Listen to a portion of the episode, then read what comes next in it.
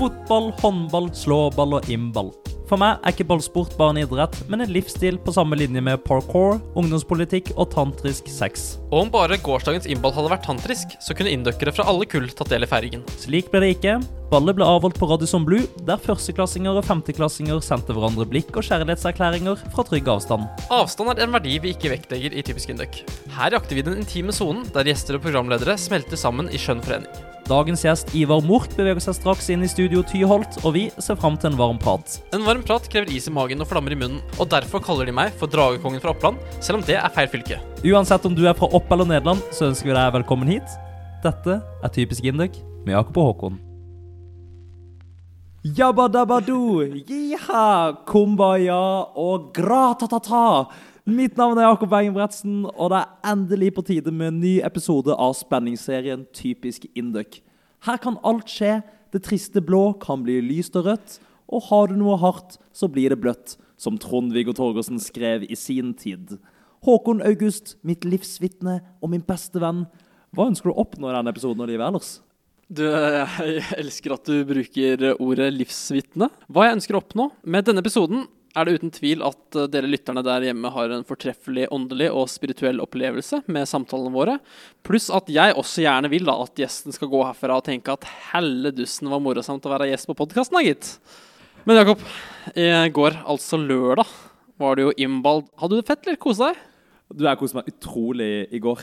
Du husker i forrige uke, Håkon, så var jo tid og manipulering av tid og rom tema i Håkons refleksjon. Stemmer.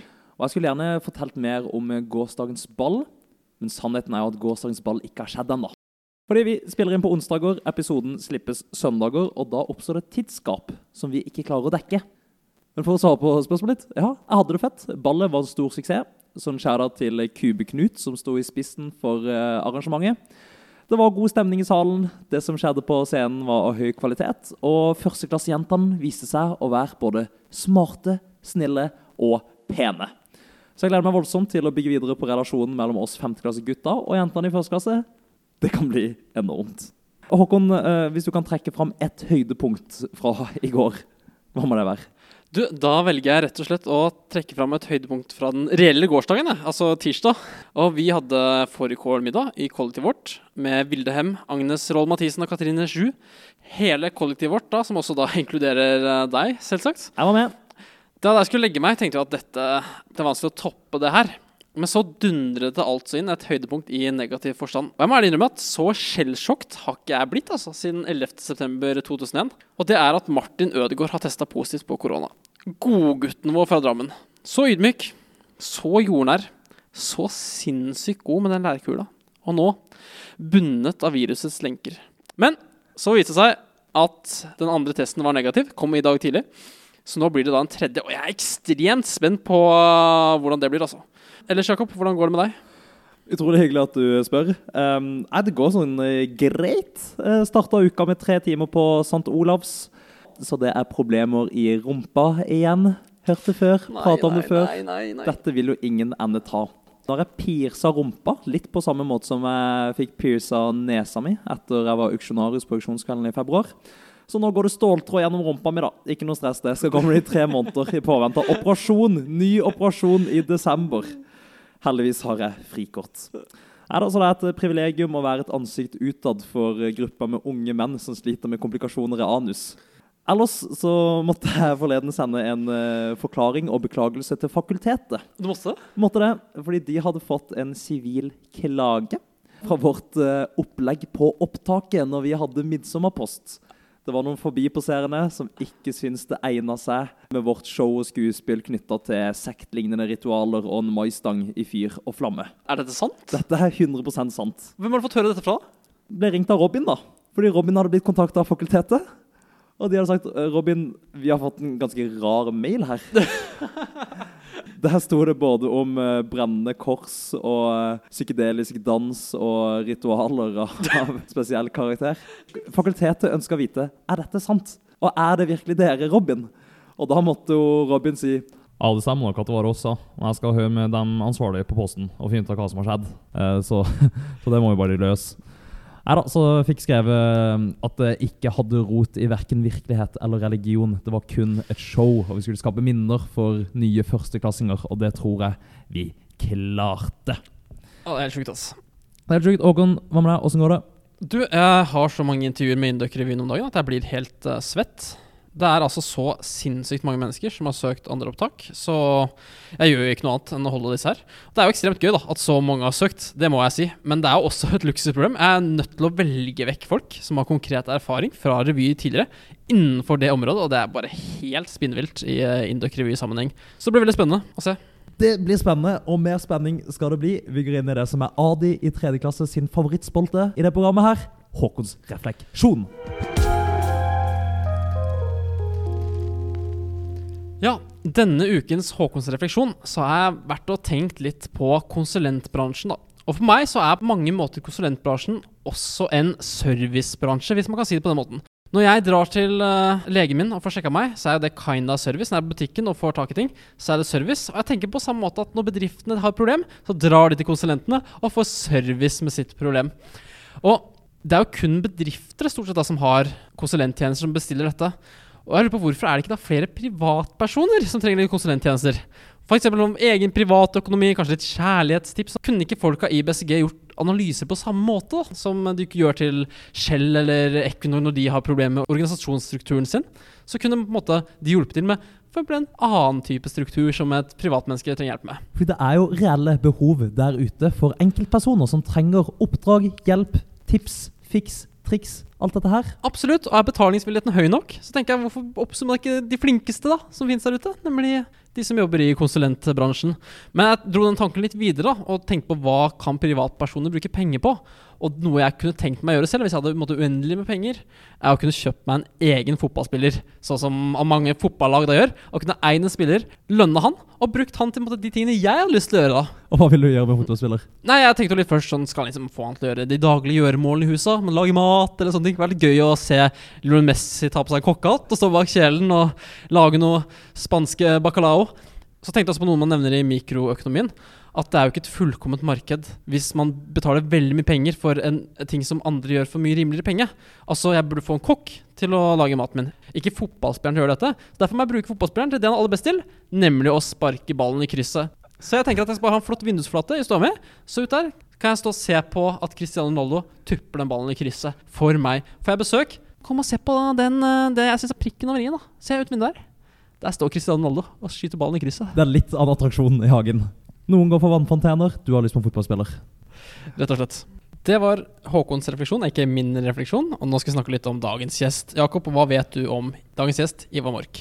Jeg vet at uh, Ivar Mork har vært med i hyttestyret, så derfor assosierer jeg han med fargen gul.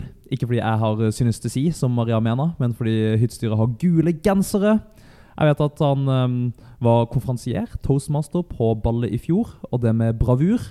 Og så er vi like gamle, og så er han en venn av den podkasten her. Det jeg vet. Gleder meg til å bli bedre kjent med han. Hva tenker du vi skal finne ut da i denne episoden her? Du, I dag tenker jeg at det skal handle om person og ikke sak. Jeg vil bare bli kjent med Ivar og få et vindu inn i livet som tredjeklassing i Trondheim. En tilværelse som egentlig ingen av oss to kjenner til, for vi var på utveksling.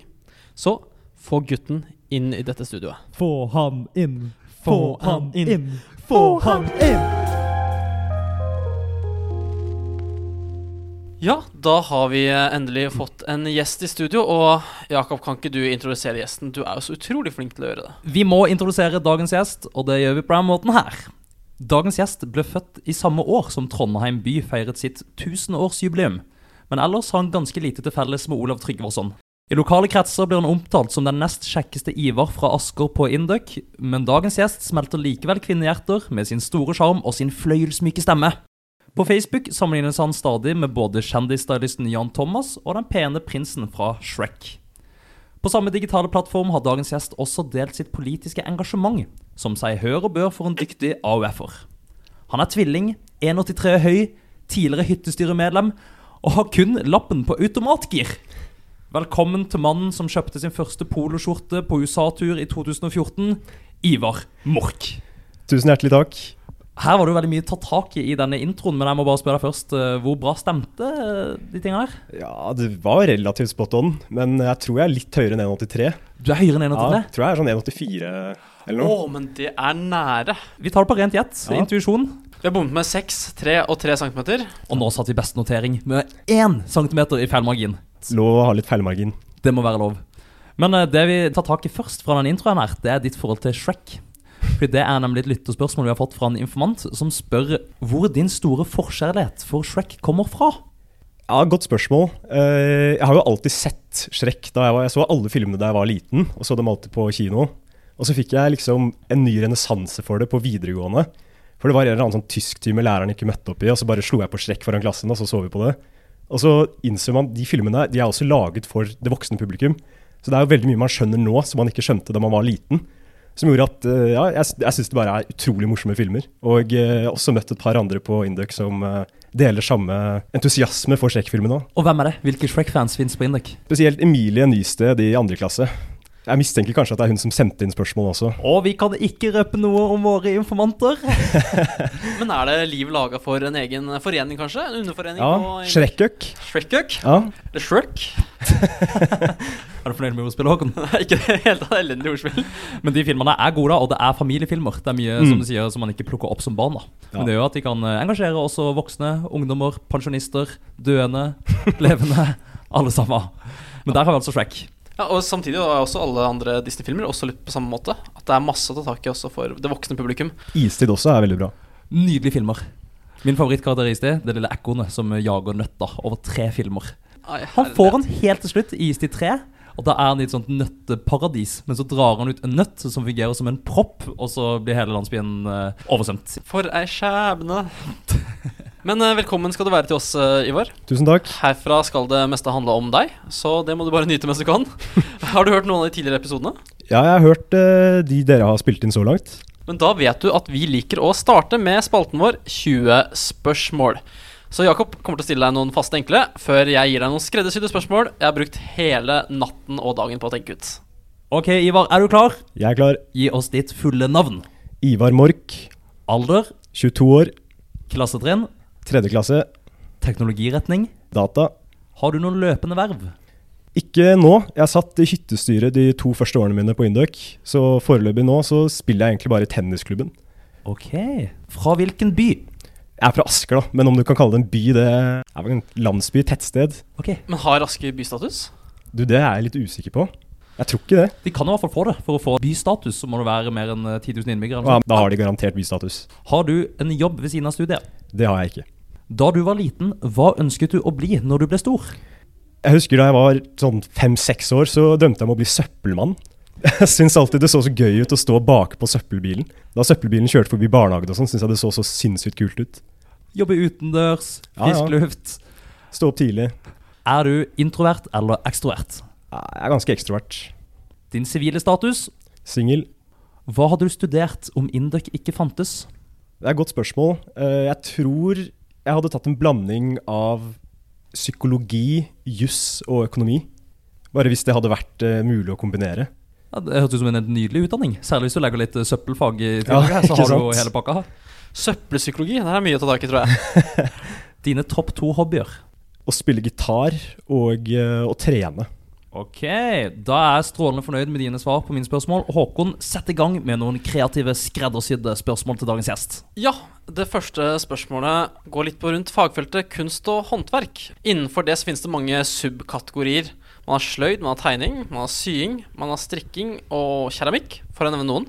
Og hvilken del av kunst og håndverken liker du best, og hvorfor? Du nevnte ikke det nå, men jeg husker da jeg hadde kunsthåndverk, så hadde vi sånn stop motion-prosjekt med sånn plastelina og sånn. What? Og det var sykt gøy. Å lage sånn, ta ett og ett bilde. Herregud, dette tror jeg bare er eh, Asker som eh, har. Ja, og Ivo Caprino. Ja. Forklar dette konseptet her. Hva gjorde dere? Nei, det var sånn vi fikk litt plastelina, så fikk vi kamerastativ. Så tok vi med kamera hjemmefra. Jobba i en måned eller noe da, i kunst- og håndverktimene på ungdomsskolen. Og så tok dere bilder, og så satte Ja. de bildene sammen, så ble det levende film til slutt. Husker du liksom hvordan var handlinga i din lille film? Oi. Ja, det var egentlig bare veldig mye random plastelina-greier. Jeg husker i hvert fall at det sluttet med at King Kong kom opp på en sånn der papir-Empire State, og ja, Det var det var bare random. Det var Einar Gerhardsen, Morten Harket, Halvard Hanvold og Kåre Konradi. Hva har disse menneskene til felles? Jo, de er fra Asker. Mm. Hvorfor er det så gjerne mange legender fra det lille tettstedet Asker i Viken fylke? Nei, det er sikkert noe med lufta eller noe. Det må ha noe i lufta. Nei, jeg, vet du hva, jeg vet ikke. Det er et veldig fint sted, da. Kunne godt tenkt meg å bo der når jeg er voksen. Flytte tilbake eh, til røttene. Det var et fint sted å vokse opp, eller? Ja, veldig fint. Hvor i Asker er du fra, egentlig? Ja, Vakås heter det. Det er sånn midt mellom Holmen senter og Asker sentrum. Ikke langt unna Skaugum, faktisk, der kronprinsen bor. Har du vært der? Ja, Jeg har gått 17. mai-tog forbi da da jeg var liten. Ja, det står det vinker. Men det er ganske mange innrykkere fra Asker. Kan du nevne et par andre eh, som du kjente fra av? Ja, eh, jeg gikk jo i klasse tre år på videregående med Øyvind Asplin i fjerde klasse. Og eh, vi er jo samme vennegjeng hjemme i Asker. Ivar Nore, som er eh, den andre Ivar på trinnet. Det er vel noen flere fra Asker. Jeg kommer ikke på alle i farten. Men jo, jo, Anniken Grimsmo. Hun var jo leder i hyttestyret Ja. første året da jeg var der. Jeg har hørt at du også var leder av Asker velforening, men det stemmer kanskje ikke? Det har ikke jeg informasjon om. Jeg har også hørt at eh, Amanda Krutnes i 5. klasse Ja, det er eh, hun. Hun er fra Asker. Asker. Videre til eh, neste spørsmål. Når jeg så på nyhetene i går, før jeg la meg, så fikk jeg en forferdelig nyhet rett i fleisen.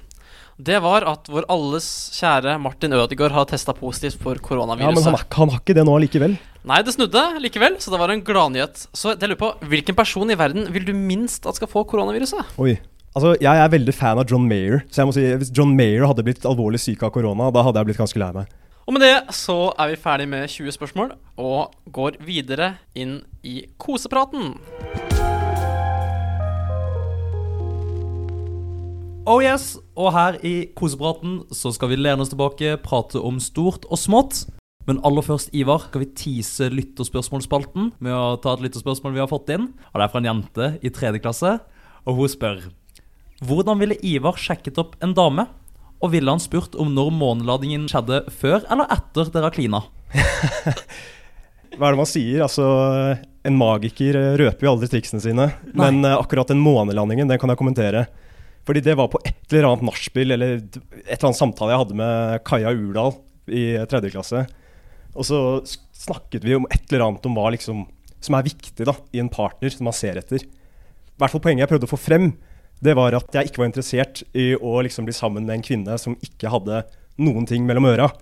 Og så tok jeg liksom noe fra the top of my head da, som jeg tenkte som alle vet hva er. Og så sa jeg liksom eh, Ja, hvis hun ikke vet når månelandingen er, da, da er det ikke vits. Det er der du legger lista. Ja, men det, Jeg trodde jo at dette var noe folk visste. Men det viste seg at ingen av jentene i det rommet visste når månelandingen var. De visste ikke at det var i 1969. Nei. Kanskje du må justere, kanskje du må si eh, et krav til mine damer må være at de vet hva månen er. Eller at månen fins. Ja, ikke sant. Eller et krav at eh, de tror på at månelandingen faktisk skjedde. Ja, det er jo noen som ikke tror på det heller. Absolutt. Men jeg tror jeg faktisk vil ha det som krav selv. Man må vite at månelandingen skjedde i 1969. Mm. Så kravstor er ikke jeg. Nei, jeg er jo ikke det, jeg heller. Men det var, bare, det var bare et dårlig eksempel jeg dro frem én gang. Som har blitt en sånn saying. Fordi Kaja har selvfølgelig fortalt dette til alle venninnene sine på trinnet. Så nå tør ingen av de som ikke vet når månelandingen skjedde, å prøve seg på det. Nei. Og med denne historien om månelanding og damer, så må jeg bare spørre deg, Ivar. Hvordan går det? Nei, jeg har det veldig fint. Det er jo rolige dager nå, når eh, mye av undervisningen er digital og Det er litt mer fritid, føler jeg, enn det jeg er vant til eh, her oppe. Ja, kanskje selv når du ikke har noen verv å gå til. Ja, Men hva er det du bruker tida på, da? Sånn eh, når du ikke ser digitale forelesninger? møte venner hovedsakelig, da. Fordi når du ikke møter venner på skolen, da har du liksom ikke den arenaen der du møter de naturlige uten at du trenger å legge noe effort i det. Så ofte så er jeg sammen med venner på kveldstid og jobber på dagen.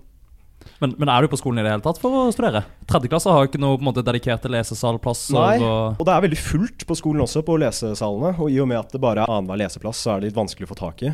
Første gangen jeg var på skolen siden mars, var eh, torsdag forrige uke. Så da gikk jeg på stripa og var sånn ah, det er sånn det var. Det er sånn gløshaugen Ja, ser ut. jeg hadde helt glemt det. Sånn lukten av stripa, liksom. Du begynte på NTNU litt på nytt, du nå. Ja, det var litt sånn uh, ny renessanse på Gløshaugen. Men Ivar, meg og Håkon vi vet jo ikke egentlig hvordan det er å være tredjeklassing her i Trondheim. Vi var jo på utveksling i vår Ja. tid da det var en mulighet. Så bare, vi, vi går bare helt basic til verks. Hvilke fag har man i tredje klasse? Vi har PPL. Og det er Åh, hva er det forkortelse for? Det er et eller annet som personalledelse. Prosjekt og personalledelse. Og så har vi introduksjon til kunstig intelligens. Og så, eh, nå må jeg tenke her Så har dere første optimeringsfaget. Ja, vi har, vi har mikro. Sånn innføring i eh, Jeg husker ikke hva det er. Nei, Ja, dere har mikro, og så har dere statistikk. Ja, statistikk. ja. ja, ikke noe optimering ennå. Men eh, du har kunstig intelligens fordi du har valgt data og kunstig intelligens som Ja. retning, eller? Ja, Syns det virket mest spennende. Hvilke alternativer hadde man på den? Ja, hva var det? Programvareutvikling? Et eller annet sånn Nei, faen, det er jo PU, det. Ja, men du Ja. kan, det heter vel kanskje systemutvikling? Ja, altså, Det var et eller annet sånn utviklinggreie, i hvert fall. Jeg syns ikke det hørtes noe morsomt ut. Jeg leste meg litt opp på begge, så da ble Ja. det kunstig intelligens. Ja, og da, nå har de fleste valgt uh, kunstig intelligens uh, de siste årene. Blitt Mm. populært, det. Det høres jo litt med juice ut. Det gjør det. Men eh, Ivar, du skulle jo egentlig vært på utveksling i høst. Mm. Hvor var det du hadde tenkt å dra? Jeg hadde tenkt meg til Brisbane. I andre klasse så husker jeg Jeg hadde flere venner som var der, da. Og de la ut så mye på Instagram at de bare surfa og festa og hadde det så gøy. Og Så jeg gledet meg helt sykt til å dra ned dit, da. Det lot seg ikke gjøre, dessverre. Hvor langt kom dere egentlig i den prosessen med å velge sted, søke Vi hadde søkt, og vi hadde fått innvilget plass. Så bare, ja, pga. alt disse koronagreiene, så lot ikke det seg gjennomføre.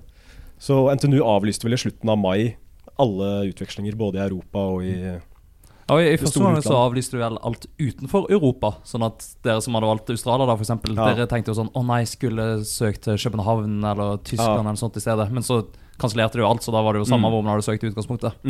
Men eh, hvordan løser dere det nå? Blir det utveksling etter jul, eller utveksling i fjerde klasse? Jeg tror folk tenker litt forskjellig på det, fordi noen tenker å dra nå til våren. Det tenker ikke jeg, så jeg vet ikke om det lar seg gjennomføre, om det er endelig bestemt. Men uh, det var et møte, informasjonsmøte med Tim og sånn på instituttet, da, hvor de sa at uh, de skal legge til rette for at man kan dra på utveksling i fjerde klasse. Og det har jo egentlig ikke vært mulig tidligere. Men hvorfor uh, drar du ikke nå? På våren? Altså Egentlig så bunner det ut i noe så enkelt som at uh, jeg signerte en ettårskontrakt på På tennisklubben? Nei, ikke på tennisklubben. På kollektivet mitt på, der jeg flyttet inn nå i høst. Og så har det også med at jeg tror ikke det er så fett å være i utlandet når disse restriksjonene holder på. Du kan jo ikke dra ut på nattklubber og sånn som du normalt ville gjort. da. Så da tror jeg det er morsommere å dra til høsten. Men har du signert en ettårskontrakt med vennene i kollektivet ditt? At vi må være venner i dette året? ja. ja. Eller, eh, eller med utleier? Ja, begge deler. Men tror du ikke det blir en sånn litt sånn kjedereaksjon at hvis mange begynner å dra nå til jul, så sprer det seg litt, og så ender folk opp med å gjøre mye av det samme, da? Sånn at hvis folk nå hører på deg, lar seg inspirere av det, så er det ingen som drar. Mens hvis uh, innflytelsesrike folk i klassen bestemmer seg for å dra, så får de med andre plasser. Tror du det er noe sånn uh, scenario som kan skje? Jeg tror ikke det. Jeg tror det er ganske delt, ut fra folk jeg har snakket med. Det er liksom det er mange jeg har snakket med som tenker seg til våren, hvis det lar seg gjøre. Og så er det flere som meg som tenker å dra til høsten. Så jeg tror ikke det kommer til å være noen sånn kjempebølge, sånn at det blir helt tomt på fjerdeklassesalen til eh, høsten. Men det er jo to store reiseturer, egentlig, eh, hvis man kan si det på den måten. Det er jo utveksling, og så er det også indekstur. Har Ja. dere begynt å planlegge det? Nei. Ikke som jeg vet, i hvert fall. Det er en litt rar periode kanskje å begynne å planlegge en eh, tur til Ja. andre sida av jorda. Men man gjør jo det som regel i andre klasse. Så velger man eh, Man lager en komité, velger destinasjon og begynner planlegginga for den reisen som skal skje liksom to og et halvt år fram i tid. Men dere har kanskje satt det litt på vent? Det kan godt hende at det er noen som har begynt å planlegge det, men det vet ikke jeg. Men jeg har veldig dyp medfølelse for femteklassingene nå, da, som ikke fikk dratt. Tusen takk for det, Ivar, og det var på sin plass.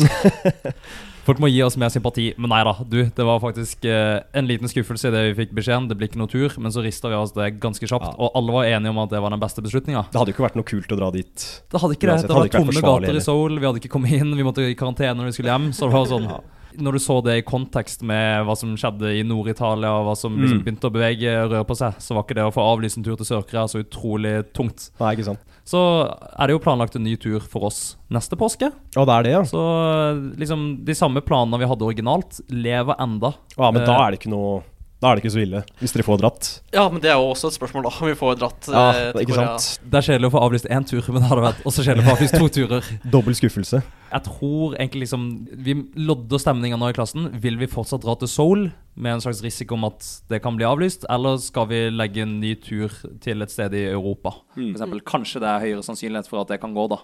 Så all ære til indeksstyret med Andreas Brynildsen i spissen. Altså, ikke noe indeksstyre har jobba mer enn indeksstyret vårt, og vi har ikke vært på tur. Og kanskje blir det ikke noe tur i det hele tatt. Ja. Ja, har Kristian Rustad jobba i motbakke med Karrieredagene, så har også Andreas Brynildsen jobba i motbakke med Indeks. 100. Men vi skal gå nå videre til en ny spalte. Og den er en fast uh, ukentlig spalte som heter Håkons hyttehjørne.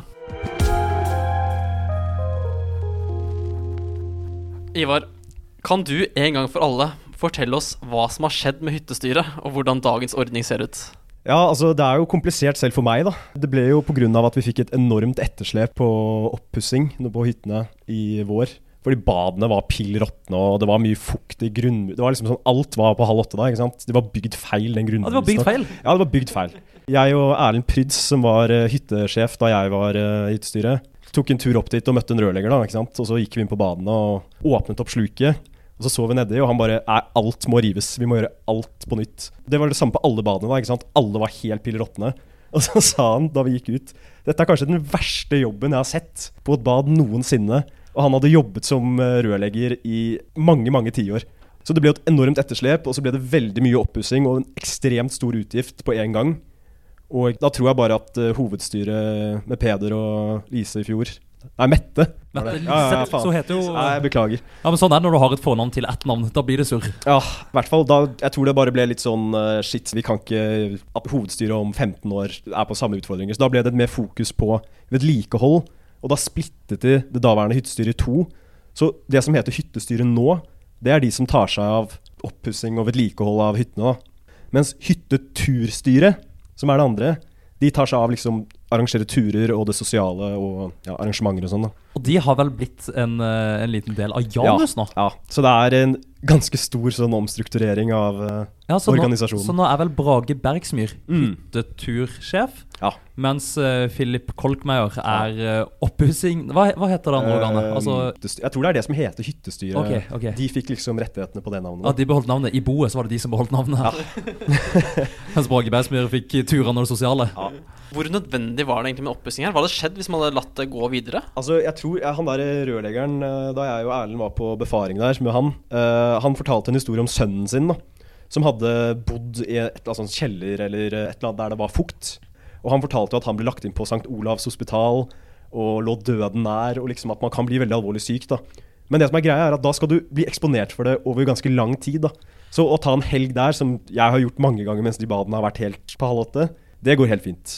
Ja, for Det sto i en mail som hovedsida sendte ut i fjor, at eh, det går bra å ha helgeturer, men astmatikere og allergikere burde holde seg unna. Folk som er i risikosonen for korona, de er også i risikosonen for hyttetur, altså. Oh yes, Holde seg langt unna Oppdal. Men hvor gamle er disse hyttene? Kjøpte vi de nye, eller kjøpte vi de Eh, brukt? de ble De ble bygd i 97. Vi kjøpte dem i 2009 eller 10 eller et eller annet sånt. Ok. Og de betalte vi. De betalte vi i cash. Nei, gjorde vi det? Eller i hvert fall, i hvert fall uten lån. Vi betalte det Vi betalte det med likviditet. Komme med sånn 20 søppelposer med sedler og bare Hvor betale fett for det?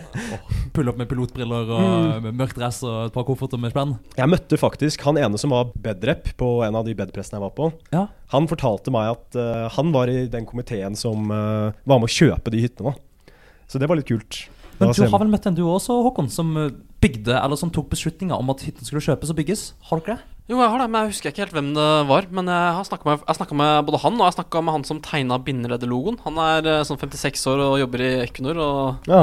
Så jeg har møtt flere av disse legendene som man ikke vet helt hvem som har skapt de tingene. Det står eh, inne på januslinjeforening.no så er hele Indeks historie skissert med en tidslinje som er litt sånn interaktiv. Du kan Mm. bevege deg her og der. Og Der står det faktisk ganske mange kule historier om liksom oppstarten til alle foreningene, og når hyttene ble bygd, og revyer og alt mulig. Så liksom, det, kan, det kan sjekkes ut, altså. Der står det mye bra. ja, veldig kul linje. Jeg synes det er så rart at det er så mye sånn konstruksjonsproblemer da med ting som har blitt bygd. Sikkert mye svart arbeid og Ja. folk som ikke har fagbrev, som har tatt seg av Jeg vil bare komme med en liten anekdote selv om eh, en helt uh, sinnssyk konstruksjonsfeil som kommer fra Elverum. Og det er at kunstgressbanen jeg spilte på i hele min oppvekst, som er den på sentralidrettsplassen i Elverum, den har sånn undervarme i gresset, og så har den isolasjon over undervarmen, og så har den gress oppå der igjen. Så på vinterstid så det ble bygd, altså det skal egentlig være isolasjon, så varme, så gress. Så det var helt umulig å varme opp eh, gjennom isolasjonen. Som følte at den alltid var fryst da, på vinterstid. Hver vinter da, så spilte vi på frosne baner. Og så brukte Elverum fotball alle pengene sine på strømutgifter, som gjorde at klubben gikk nesten konkurs. da, for at de brukte det. Og fikk aldri noen oppreisning for det. Vi får håpe at uh, verken hovedstyret eller hyttestyret går konkurs, og at uh, hyttene holder seg varme og fine framover. Men vet du hva status er nå med oppussing? Hvor langt har de kommet? vet du det? Badene er i hvert fall ferdig nå. Jeg tror liksom at alt grovarbeidet er gjort, og så er det egentlig bare liksom eventuelt å ta på et strøk maling og legge nytt gulv og sånn som gjenstår, da. Som Indeks-folka kan ta seg av. Jeg har vært på badene, de er fine. De er fine, ja? Ja. Men Ivar, hva er ditt eh, beste minne fra hyttene på Oppdal? Oi, Hvor skal jeg starte? Det er veldig mange. Men uh, det morsomste må nok ha vært førsteklasseturen i 2018. Vi var en gjeng gode og ja, litt sånn bedugde gutter i uh, badstuen. Og så er det noen av gutta som går ut, og så finner du ut at det er et utdrikningslag i hytten ved siden av. Fullt av sånn kvinner i midten av 30, sikkert nærmer seg 40-årene. ikke sant? Det er jo perfekt for en gjeng med Ja, og så gikk de og banket på der, og så åpner de døra, og så ser de liksom svette gutter i underbukse, og de bare Vent, vent, dette er helt perfekt. Og så på et eller annet vis så plutselig er alle førsteklassingene inni deres hytte. De kvinnene som uh, var på det utdrikningslaget, de var veldig fulle. Så bare gir de en gitar og sier 'noen må spille gitar'. Og det tok jeg på strak arm. Og så tenkte jeg hvilken sang er det som passer i et utdrikningslag? Jo, 'Forelska i læreren', bare at du bytter ut læreren med liksom mannen hun skal gifte seg med. da. Ja! Så det ble med at vi sang liksom 'Forelska i læreren', og så refrenget var 'Hun er forelsket i Roy'. Forelska i Roy! Oh. Ja, så det, vi har noen videoer av de greiene der òg. Der alle gutta står i baris og klapper og eh, ja. Det var veldig bra at du ikke valgte Wonderwall i valgets kval mellom Nei, i Roy og det er sånn en sang jeg av prinsipp har valgt å ikke lære meg, det er Wonderwall. Men det er helt rått for det utdrikningslaget der da, å bare få inn en gjeng med det som kan se ut som unge strippere. Ja. Det lå sikkert ikke i deres program. Nei, de ble veldig gira, de, eh, de som var der. Meget gode minner. Det er noe med badstue, altså. At det skjer mye bra i en badstue. Ja, det Jeg er har så også bra. hatt stunder der, guttastemning i badstua. Jeg tror på førstegangstuen i år så var det én regel fra Brage, og det var at badstuene skulle ikke brukes. Det var et koronahensyn. Ja. Så de får dra tilbake senere år og teste ut det. Mm. Ok, det var Håkons hyttehjørne. Nå må vi prate litt om Induc. Så Ivar, det første vi lurer på, er hvorfor du valgte å studere nettopp eh, industriell økonomi og teknologiledelse ved NTNU. Det har nok mye å gjøre med at man klarer å kombinere to fagområder. I motsetning til bare å studere ett enkelt. Og så er det selvfølgelig jobbmuligheter og sånn etterpå. da. At man ikke akkurat står på bar bakke der. da. Kjente du noen som studerte Induc, som anbefalte det for deg? Liksom, hva var dine møtepunkter med Induc før du begynte? Måten jeg fant ut at Induc eksisterte på, var nok en sånn skolepresentasjon i VG2 eller noe. Og så kjenner jeg jo altså, Øyvind i fjerde som er i samme gjeng som meg i Asker. Begynte her, og så ja, fikk høre mange lovord. Husker du hvem som hadde presentasjonen for deg? Det husker jeg ikke. Jeg tror han er sikkert, han er sikkert ferdig nå. Ja, ja for det er, det er noen år siden du gikk på VG2, er det ikke det? Ja, det var 2014-15, da. Det var da ble det første Induc-frø sådd. Ja. Men, uh, Gjorde en god jobb og der. Ivar lyste opp i klasserommet og tenkte at dette var noe for han. Måten å kombinere to fagfelt og gi jobbmuligheter. Mm. Som hånd i hanske. Ja, da var jeg solgt. Men uh, hva med hvordan Induk har vært så langt? Nå har du gått på Induk i Mm. tre år og en og en halv måned Ja, vel cirka? Stemmer To ikke det? år og en og en halv Det er sånn det er, ja. Ja, ja. Det er to år og en halv Ja. surre. Du er Tredje klasse. Jeg er fortsatt liten. Hvordan har det vært, da? Tida di hittil? Det har vært gøy. Jeg føler det blir bare bedre og bedre. Fordi i starten så er man jo alltid litt sånn man er, Det er en ny by, og i hvert fall på høsten. Den er så kort, så man rekker liksom ikke bli kjent med så veldig mange uh, før eksamensperioden begynner for fullt. Og så blir det bare bedre og bedre. Du finner ut hvilke folk du klaffer bra med. Så jeg syns andre klasse var helt fantastisk frem til korona. Og det var jo egentlig ganske digg, det òg, for da fikk man jo litt sånn rolig vårsemester. Det var digg, men det var kanskje ikke så spennende og interessant. Nei, det ble mye film og chill. Hadde du et bra kollektiv å bruke tida di? Du, jeg dro hjem Altså, 12. mars så satt jeg på toget ned til hytta i Gudbrandsdalen. Og mens jeg satt på toget, så stengte Norge. Og så kom jeg til hytta, og så fikk vi SMS fra kommunen om at eh, dere kan ikke være her, det er ikke lov. Så da kjørte vi hjem til Asker, og plutselig satt jeg med bare det jeg hadde på meg og det jeg hadde i sekken i Asker, og alle tingene mine var her oppe. Ja, fordi Planen var å ta en helgetur hjem liksom, til dette roer seg? Det var egentlig ikke det. Jeg var hjemme, og så pappa jobber på sykehus, og han sa at dette var alvorlig, liksom. Og da antok jeg at uh, her er det bare å komme seg hjem. Så da kjørte jeg opp, og så pakket jeg sakene mine, og så kjørte jeg ned igjen. Ok Og da ble du hjemme i Asker resten av Ja, jeg var hjemme i et halvt år jeg, til jeg reiste opp her nå i august. Hva gjorde du hjemme? Nei, det var, det var litt gaming, da. Det var liksom sånn man holdt kontakten med gutta her oppe. Det var liksom over uh, Warzone. Så da hadde de det på øret og snakket uh, om hvordan livet var og hva gutta holdt på med.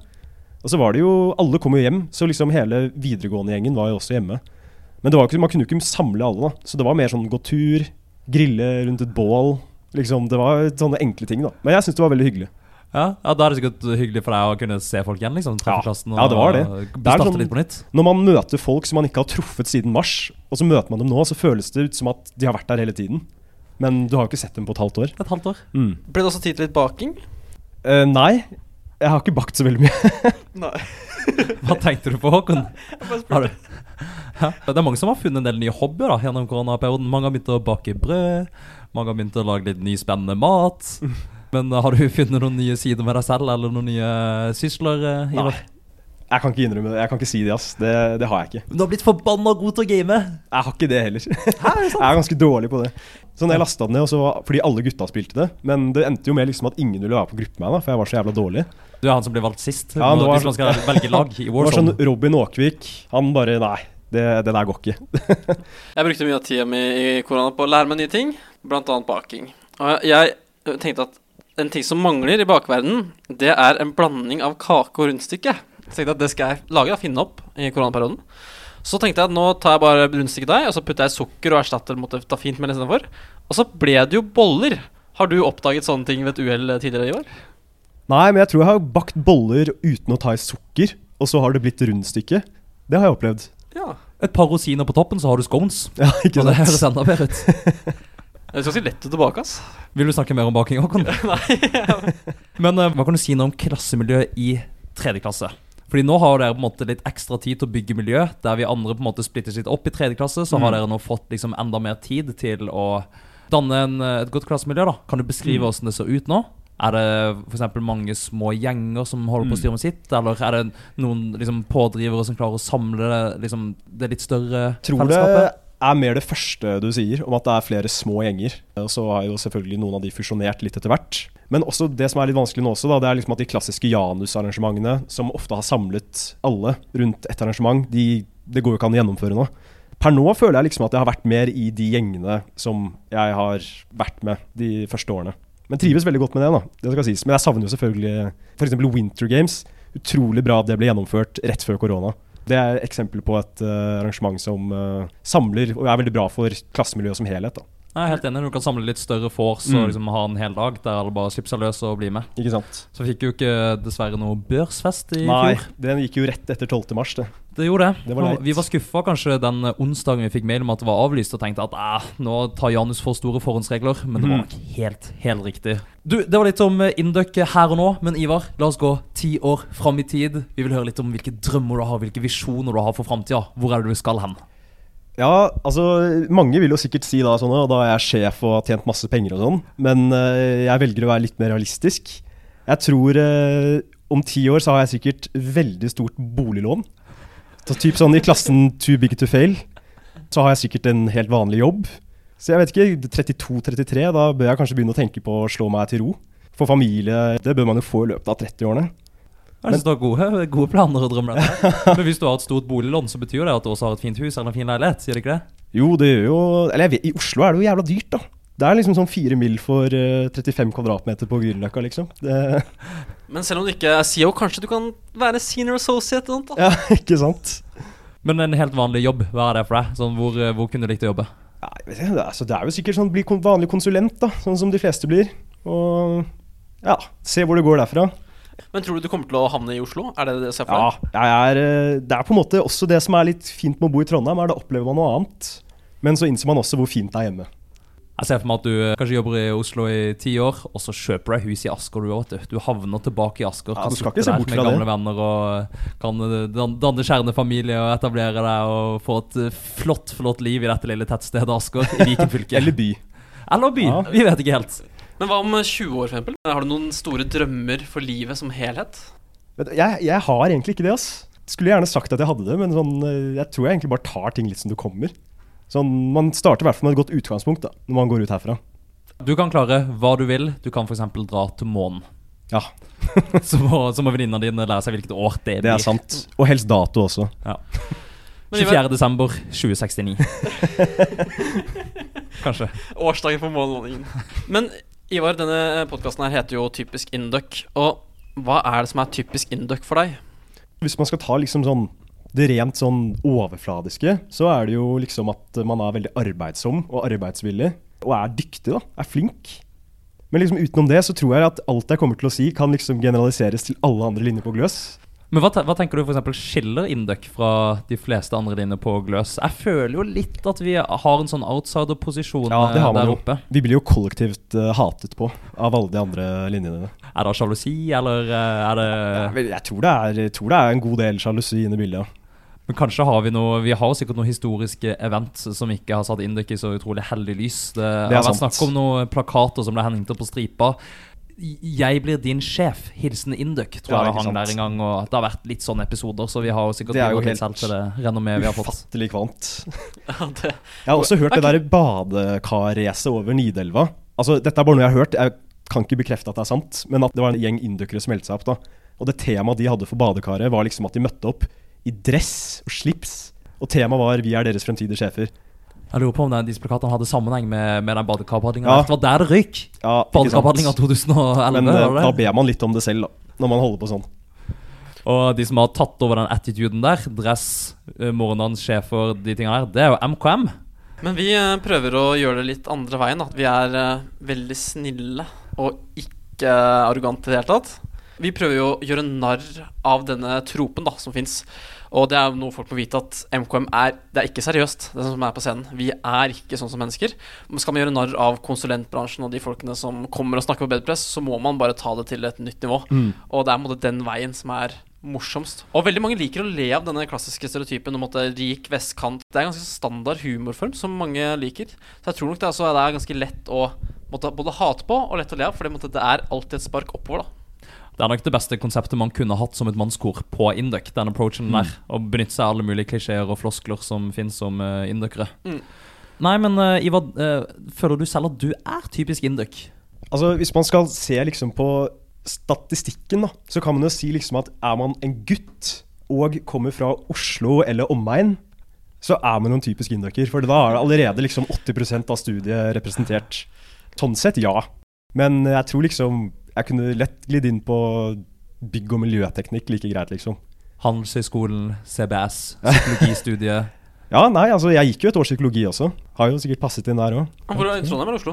I Oslo. Tok et årsstudium før jeg begynte her. Ja. Ble du noe klokere på deg selv i år? Ja, ja det vil jeg si.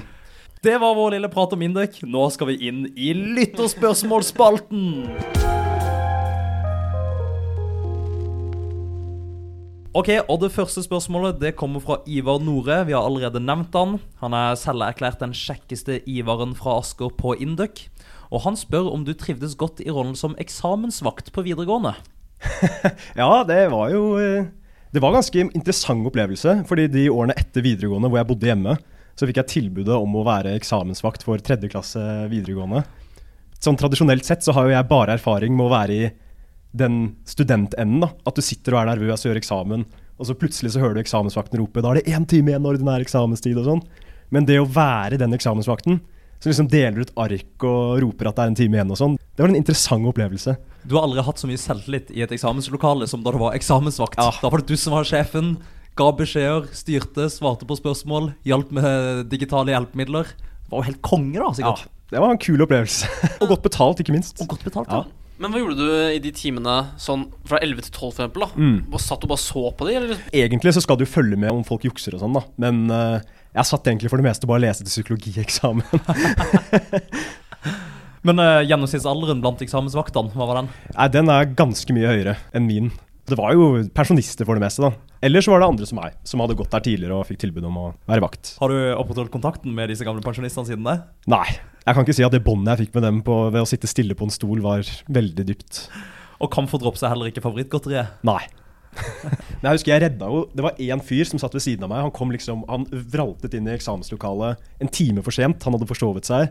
Setter seg ned og gjør eksamen, og så finner du ut når du skal levere at han har ikke logget seg på sånn sikkerhetsgreie. da Sånn at han hadde fri tilgang på nett. Og da var liksom rektor kom og bare hva, hva er det vi skal gjøre, liksom? Sånn i alle dager. Det, det her var en situasjon vi ikke var, hadde forutsett i det hele tatt. Ja. Og da reddet jeg studiekompetanse Eller hva heter det? Han fikk vitnemål pga. meg. For da trådde jeg frem og så sa jeg at jeg har sittet bak han hele tiden. Han har ikke vært inne på noen nettsider som ikke var lov. Hadde det vært en sånn eh, grumpy pensjonist, så kunne han kanskje måtte ta noen strafferunde på Bjørknes eller redde vettmålet sitt senere. Du hadde ett øye på skjermen hans og ett øye ned i psykologien Ja. og tatt han inne. Altså Ærlig, jeg så ikke på noe av det han var inne på. Det kan godt hende at han var inne på absolutt alle hjelpesider og jukset som faen, men uh, Jeg har hørt at han gutten her han ble senere tatt i juks på NHHs eksamen første, ja. første semester.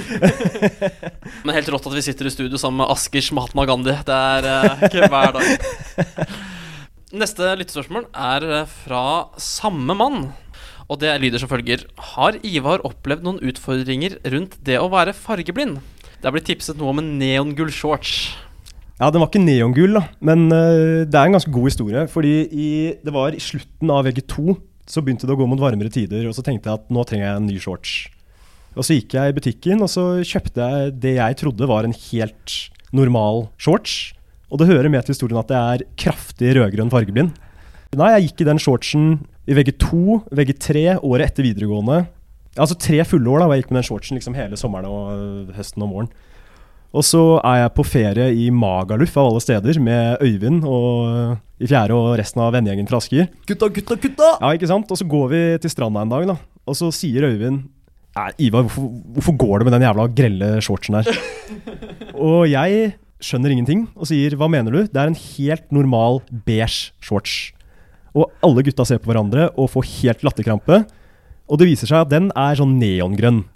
Så jeg har gått da liksom store deler av videregående og året etter med en neongrønn shorts. Og så kom jeg hjem, og så spurte jeg mamma og pappa da sånn Hvorfor har ikke dere fortalt meg at denne her har vært grønn?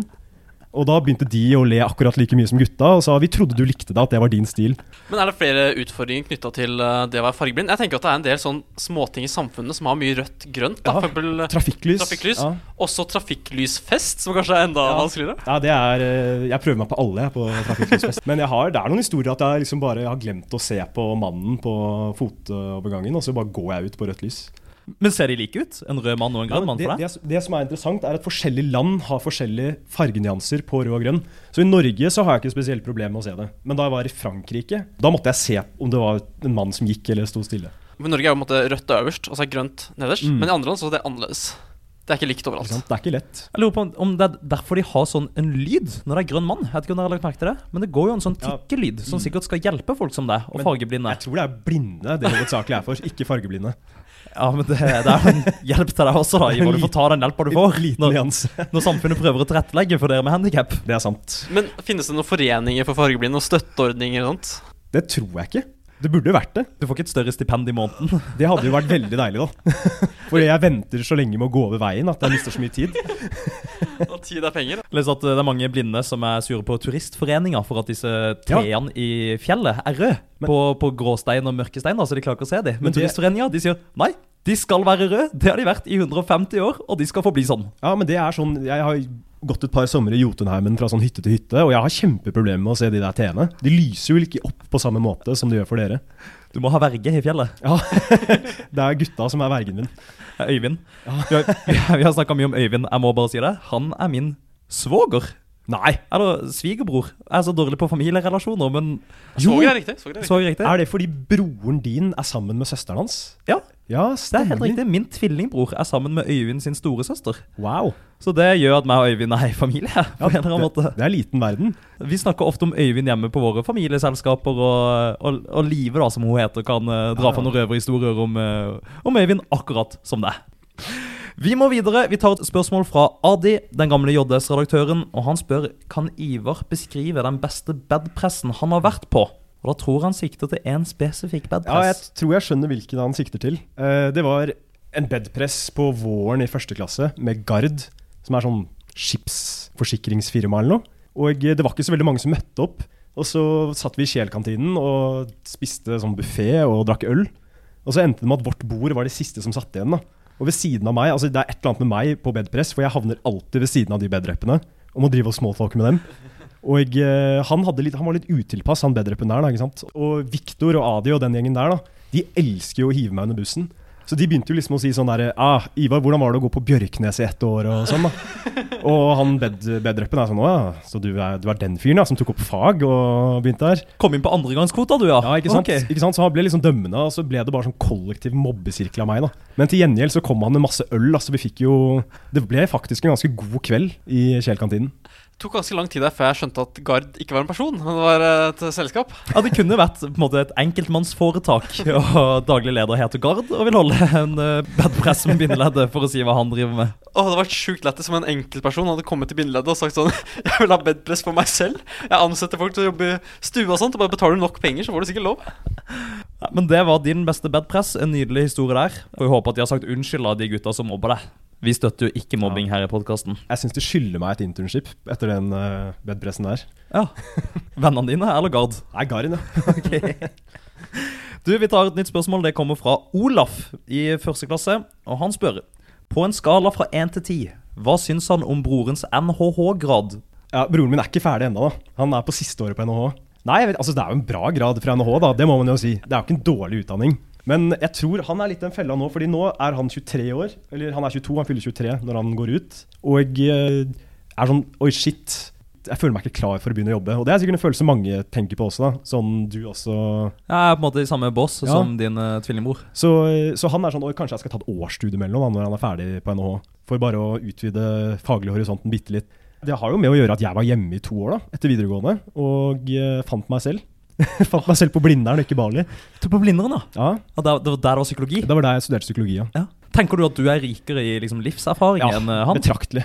Hvorfor det? En ting jeg har funnet ut etter at jeg begynte på NTNU, som har gjort meg ufattelig mye mer takknemlig for at jeg studerer her enn på NHH, er at det er så mye mer sånn mangfoldig miljø. Fordi på NHH så er det en ekstremt høy konsentrasjon av Oslo vest, Asker og Bærum. Og det blir på en måte bare alle fordommene du har mot vestkanten, bare på steroider. Jeg var på vors med den NHH-gjengen hans. Da var det bare sånn snakk om aksjer på vors. Jeg, jeg syns det var så jævlig uinteressant. Det er godt at folk fra Kristiansand og Elverum kan dra der eh? Asker og Bærum-folket litt ned på jorda. Jeg tror det er sunt.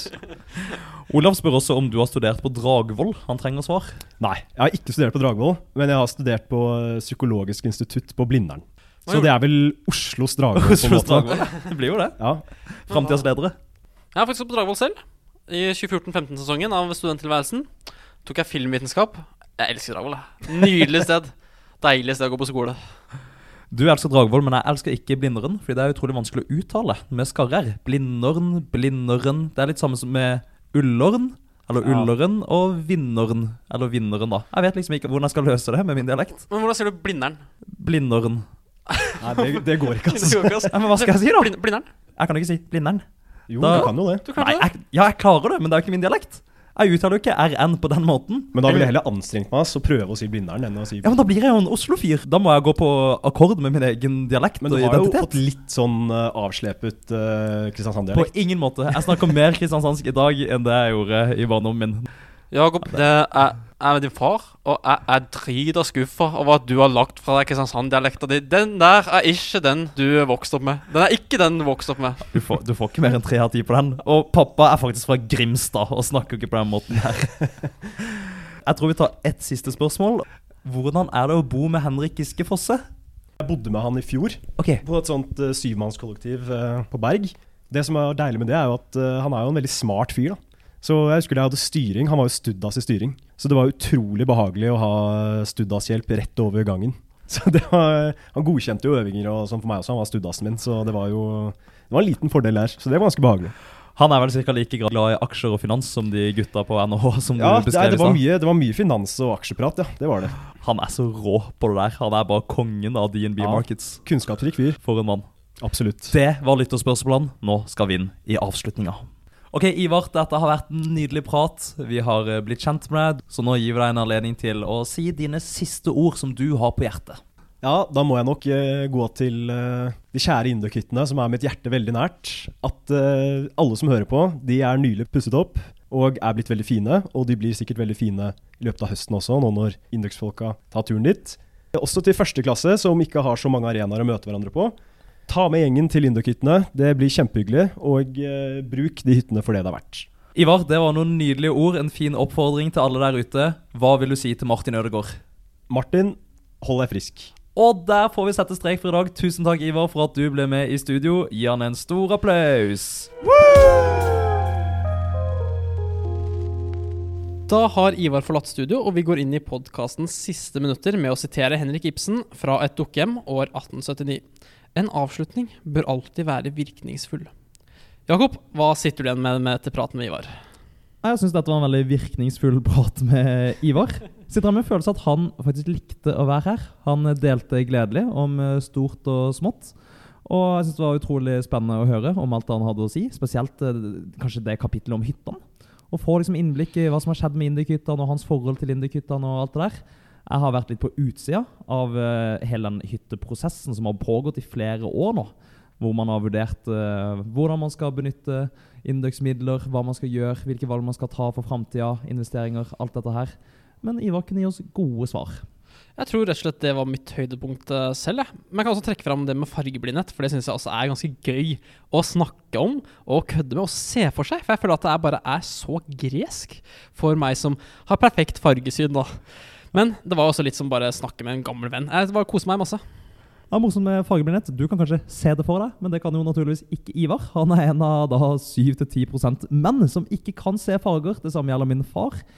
De sliter i fjellet, de har noen utfordringer, men det fins folk som har større handikap der ute, så Ivar og pappa, de klarer seg.